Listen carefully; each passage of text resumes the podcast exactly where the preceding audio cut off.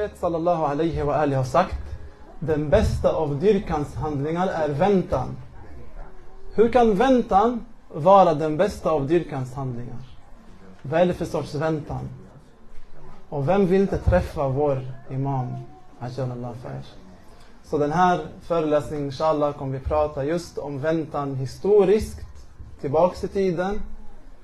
Besvara några frågor som kan vara aktuellt ibland, särskilt för våra ungdomar idag. Men också väntan idag. Och mer specifikt för oss, inshallah. Vi börjar med väntan historiskt. Det här med att vänta på en Qaim, en person som ska komma i slutet av tiden och en gång för alla, inte vinna ett slag, vinna hela kriget mot orättvisan, mot ondskan. Är det här någonting nytt, den här tron? Är det bara för oss muslimer? لأنه مير سبيسيفيك اذا بعرف اوس شي عن سليمر بس يوني سر هلا بعد. الله سبحانه وتعالى سير اسم هيدي جابوك ولقد كتبت كتبنا في الزبور من بعد الذكر أن الأرض يرثها عبادي الصالحون. صدق الله العلي العظيم. في أسكريفت إي زبور؟ före påminnelsen. Vad för något? Ett löfte. Vad är det här löftet från Allah subhanahu wa ta'ala? Att jorden kommer ärvas, kommer styras av mina tjänare som är rättvisa, rättfärdiga. Det här är ett gudomligt löfte i den heliga Koranen.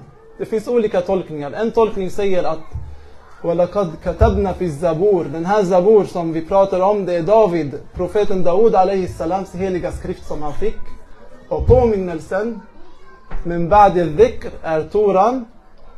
Alltså i de här tidiga himmelska skrifterna har det här, det här löftet funnits.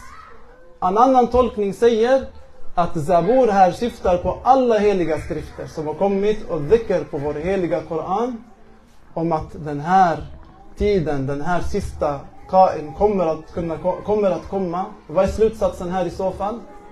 Slutsatsen är att det här är inget nytt. Det här är ett löfte som har funnits i alla tider, i alla heliga skrifter. Inte unikt för, män, för mänskligheten, för någon religion. Inte för oss shia-muslimer, inte för muslimer. Men sen då, vem är då den här personen? Denna Kain.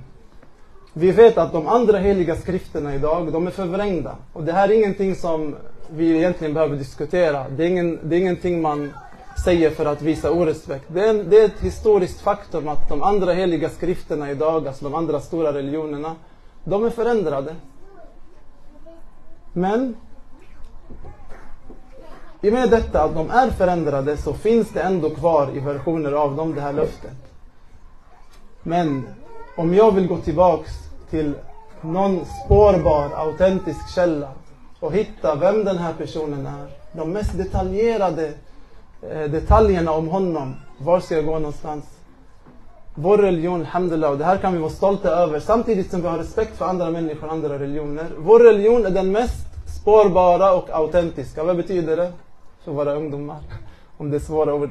Det betyder att det är den religionen som man kan med säkerhet veta att den här texten, den här boken, Koranen, det är samma bok som vår profet kom med. Det finns inte ett ord som har tagits bort eller lagts till. Det är samma Koran. Och hur kan vi veta detta? Det här går att spåra.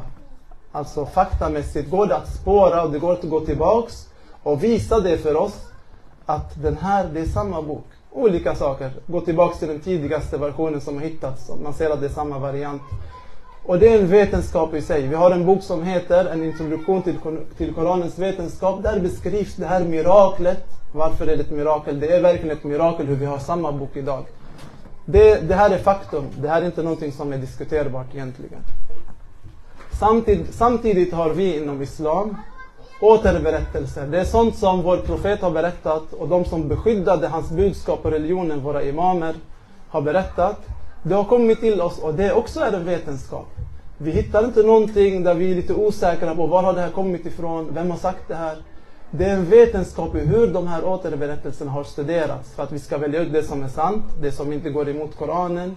Det jag vill komma fram till med det här, vad är det för någonting? Vi har över 6000 islamiska återberättelser om vår Qaim om Imam Mehdi alayhi salam, Allah ta'ala farajo. Och det, låter, det råder ingen tveksamhet alls islamiskt om att Imam Mehdi Allah farajo kommer komma i slutet av tiden. Och det finns till och med en återberättelse från vår profet sallallahu alaihi wa att även om det är en dag fram till domedagen, bara för att visa hur det här löftet är sant. Även om det är en enda dag kvar till domedagen, kommer Imam ändå att komma och uträtta det här löftet som finns i den här versen. Upprätta rättvisan, de förtryckta kommer få sin rätt. Inshallah. Skicka salawat.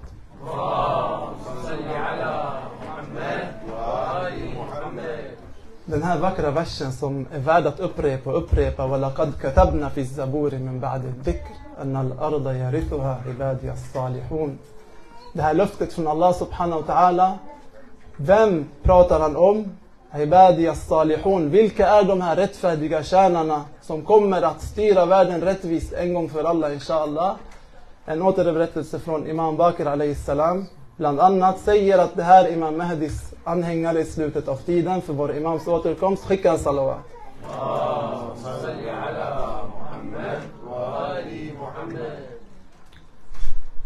Om vi går tillbaks, en resa tillbaks i tiden lite grann. Hur har väntan varit historiskt sett? Vi börjar med vår första profet. Vem var det? Adam alayhi salam. När hans tid för bortgång kom, han skulle lämna den här världen, så lämnade han ett testamente. Ett testamente lämnar man efter sig när man ska gå bort eller tidigare. Han lämnade ett testamente där han berättade vem hans efterträdare är och vem som är qaim efter honom. Det kommer komma en person efter honom som kommer resa sig upp för ett förtryckt folk. Det här var inte vår Imam Mehdi Ajallah det har funnits flera sa under historiens gång. Hans efterträdare det var hans son Shit alayhi salam. Och den första Qaim historien som skulle komma, som han berättade om, var Nuh alayhi salam. Vad hände efter vår profet Adam? Det kom en tid av mycket förtryck. De troende vågade inte visa sin tro. De dödades, de förtrycktes, de förföljdes. Och den här tiden, att de troende hade det så svårt, är ett bevis på hans sanning, sanningsenligheten i det han sa om att det ska, kommer behövas komma en Kaim i framtiden. Och det här är någonting som profeterna har gjort. De har lämnat i testamentet om en efterträdare, om en Kaim efter dem. Så vad hände då när Nuh salam kom? Vi ska inte gå in i profeten Nuhs berättelse det räcker bara att vi kommer till slutet. När Nuh alayhi skepp hade landat, vi vet, han räddade tron på den tiden. I den här kända berättelsen. När han skulle gå bort samlade han också folket och lämnade ett testamente om vad? Och nu finns det en intressant detalj i hans testamente som vi idag, som är väldigt aktuellt för oss och besvarar många logiska frågor för oss samtidigt i vår tro. Han berättade om vad? Vad var det han lämnade i sitt testamente? Vad gjorde Adam för något salam? Han berättade om en efterträdare och en qaim. Vem var qaim efter Nuh salam? Det var profeten Hud salam. Men Nabi Nuh salam gjorde någonting mer också. Han lämnade ett brev till sin son som hette Sam där han beskrev kännetecken för Hud salam som skulle komma efter honom. Varför lämnade han ett brev med kännetecken? Jo, det kommer gå lång tid efter honom. Flera generationer. Det sägs att det gick fyra generationer. Folk kommer glömma. Vad gjorde människorna? Vad gjorde de efter att Nuh islam gick bort? De samlades varje år och läste det här brevet. Påminde varandra om de här kännetecknen och gav en ny bay'a. De lovade alltså. De lovade den här Akaim som skulle komma, att vi kommer stå vid din sida, vi ska inte glömma dig. Varje år gjorde de det här. Vad blev resultatet? När Hud salam kom fanns det 4000 anhängare. Och det är ett stort antal på den tiden. Med det här går vi in i en annan viktig fråga. Vikten av att minnas sådana här saker. Idag, och särskilt vi till exempel som följer Ahlul Bayts skola. En del kan fråga varför, minns, varför ska vi minnas det som hände i Karbala i de detaljerna varje år? Eller varför måste vi nämna vår Qaim var, hela tiden? Varför ska vi fira hans födelsedag och alla högtider? Det här egentligen, egentligen är det en självklarhet. Och många som frågar de här frågorna har gott hjärta, menar inget illa. Och det är bra att ställa frågor och veta varför vi minns de här sakerna. Bland annat, självklart, varför? Vi ska inte glömma, vi ska leva med det. Men bara ett modernt exempel i historien. Och det här är aktuellt för oss här i Sverige och i Europa och egentligen hela världen, flesta delarna av västvärlden. Under andra världskriget, det som egentligen blossade upp i andra världskriget, det var en högerextrem rörelse. Högerextrem, vad är det för något? Det är en, där man egentligen inte, inte har tolerans mot andra. Man, man har mycket nationalism. Man ser sitt folk som det bästa. Och man börjar se ner på andra till den nivån att de andra knappt är värda att leva. Vad, vad, result, vad, vad var resultatet?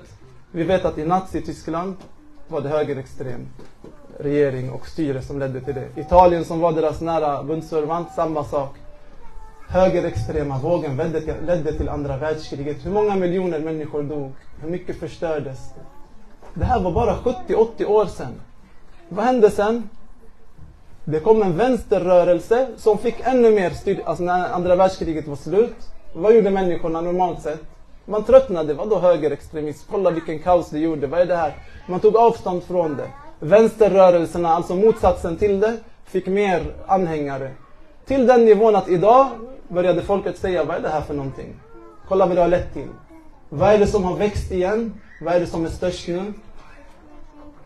Högerextremism igen har blossat upp. Det här var bara 70-80 år sedan. Varför? Folket glömde. Folket levde sina liv här, de hade det bekvämt. De tänkte inte på det. De hade raffla om sitt eget tillstånd. Och de glömde, och det här är bara ett modernt exempel. Så om någon egentligen undrar varför vi ska påminnas om de här sakerna varje år, så är det bättre att ställa motfrågan, varför minns inte du? Det logiska, det ansvarsfulla är att aldrig glömma och minnas. Skicka salawat.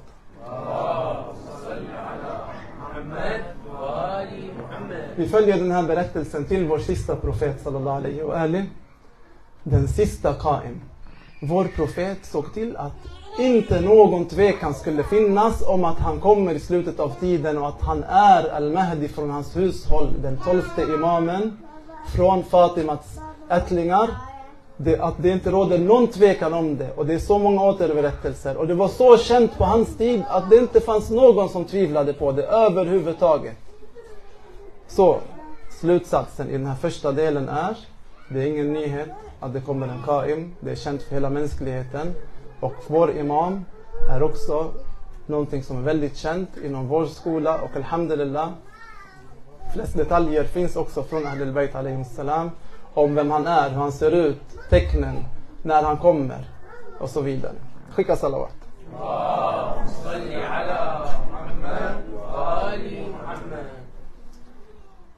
Och den andra delen i den här föreläsningen. Väntan idag. Vår profet sallallahu alaihi wa alaihi sa att den bästa av dyrkans handlingar är väntan på farash, på återkomsten av vår imam. Vad är det då för sorts väntan? Man kan vänta på olika sätt, eller hur? Är det någon här som har väntat på någon man älskar? Någon som har väntat på sin fru som har varit bortrest? För att liva upp stämningen. Det är många, och alla bröder, systrar ser inte där bak, alla bröder visade i ansiktet eller räckte upp handen att de hade gjort det, som är gifta i alla fall. Att längta efter någon man älskar är annorlunda från att längta efter någon man knappt känner. Och det här är säkert ett brett område som går att prata om på olika sätt. Men jag tänkte bara förenkla det väldigt mycket och dela upp det på två sätt. En väntan som är mer ytlig. Alltså jag vet vem imamen är, jag har hört talas om honom. Jag vill att han ska komma, jag vill vara med i den rättvisan han kommer uppnå. Men det är det, jag har läst om honom men jag lever mitt liv som vanligt. Jag har inte så mycket relation med honom, jag har inte kommit till nivån att jag verkligen längtar efter honom. Och en annan del är mer en längtan eller en väntan där man har en relation med honom. Och de här två sorters väntan leder till två sorts möten när man möter honom. Den första är att jag träffar honom, jag ser honom. Alltså det här ytliga som baserat på att jag har hört om honom. Men jag har inte så mycket relation till honom. Men hur är den, det andra mötet? När man har en relation, när man väntar på någon man älskar. Kommer det vara samma möte? kommer inte vara samma möte, eller hur? Den, den väntan, när man inte har en relation, den kan egentligen bara leda till ett sorts möte. Vad är det för sorts möte? Det, här, det är mötet när han gör sin offentliga dhuhur. Och vi ska komma in på vad som menas med det. Skicka salawat.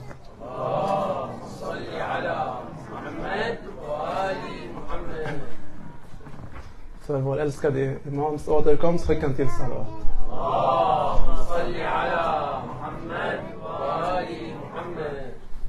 Den första till exempel, jag har läst att profeten har sagt att han kommer ha samma namn som mig. Hur? Han heter ju Imam Mehdi, hur kan han heta Muhammad? Han heter Muhammad. Men hans titel är Imam Mehdi. Han kommer ha samma namn som mig har profeten sagt. Hans karaktär kommer vara som min. Vad kommer vår imam göra? Vad ska han kalla till? Profetens sunna. Han kommer inte med en ny religion, eller hur? Men han kommer med verkligheten av profetens sunna. Han kallar till Koranen, till Guds bok. Han kommer upprätta rättvisa, fred. Han kommer ta tillbaka de förtrycktas rätt. Och jag tror folk längtar till sånt idag. Särskilt idag när man knappt vågar trampa på grannarnas tomt. Så tror jag folk verkligen längtar till den tiden som vi har hört om vår imams tid. Där folk kan lägga, där bröder lägger sin ficka i den andras ficka och tar pengar när man behöver. Så det är lätt att längta till en sån tid. Men det är skillnad att leva med en relation till honom och träffa honom med en relation. Men säg då att jag har hört de här sakerna men jag har ingen relation till min imam. Och jag träffar honom. Och många längtar efter det här mötet. Vem längtar inte efter, till att, efter att träffa honom, se honom? Vi alla längtar, oavsett om man har en relation eller inte. Men om jag träffar honom och inte har en relation. Vad kommer det här mötet, kommer det här förändra mig? Kommer det göra mycket skillnad i mitt liv? Säkert, det kommer säkert men, men vem kan garantera att det inte blir att jag blir glad i, i tio minuter, en dag men sen fortsätter leva mitt liv som vanligt. Hur många såg inte vår profet sallallahu alaihi wa Om vi tänker på riktigt, gå tillbaks till tiden. Hur många såg honom inte? Fick alla en revolution inom sig? Ändrade alla sitt liv? Hur många stod vid hans sida? I Uhud, hur många stod kvar med honom? Vad krävs? Vad hade vissa uppnått som andra inte hade uppnått? Och det är det vi vill komma fram till. Eller Imam Hussein salam. Hur många stod med honom? Hur många såg honom? Men ändå lämnade honom. Räcker det att bara se en person? Och, de här, och många av de här som såg dem bad mycket mer än mig, fastade mer än mig, läste mer Koranen än mig, kunde hela Koranen utan Någonting fattades. Det var någonting som inte hade hänt inom dem. Någonting behöver uppnås inom, inom en först. Så att jag träffar honom och det inte blir en vanlig träff. Alhamdulillah att vi har så mycket exempel i historien som vi kan lära oss av. Profetens tid och subhanallah, det är som att det är menat för vår tid idag. Följeslagaren Uwais var en följeslagare till profeten som inte träffade honom. Men han hade den största, en av de största kärlekarna till profeten utan att träffa honom. Hur kommer det sig? Han levde med kärlek till honom och han stod till och med vid Imam Ali salams sida i Siffin. Hur många lämnade inte Imam Ali salam efter profeten? Den här personen såg inte ens profeten men lämnade inte Imam Ali salam. Till och med tog sig dit genom alla svårigheter och sin höga ålder. Uwais hade träffat profeten. Och det är det här mötet som, som inshallah jag ville komma fram till och som jag ber Gud välsigna oss alla med inshallah. Mötet med vår imam som kan ske innan det fysiska mötet.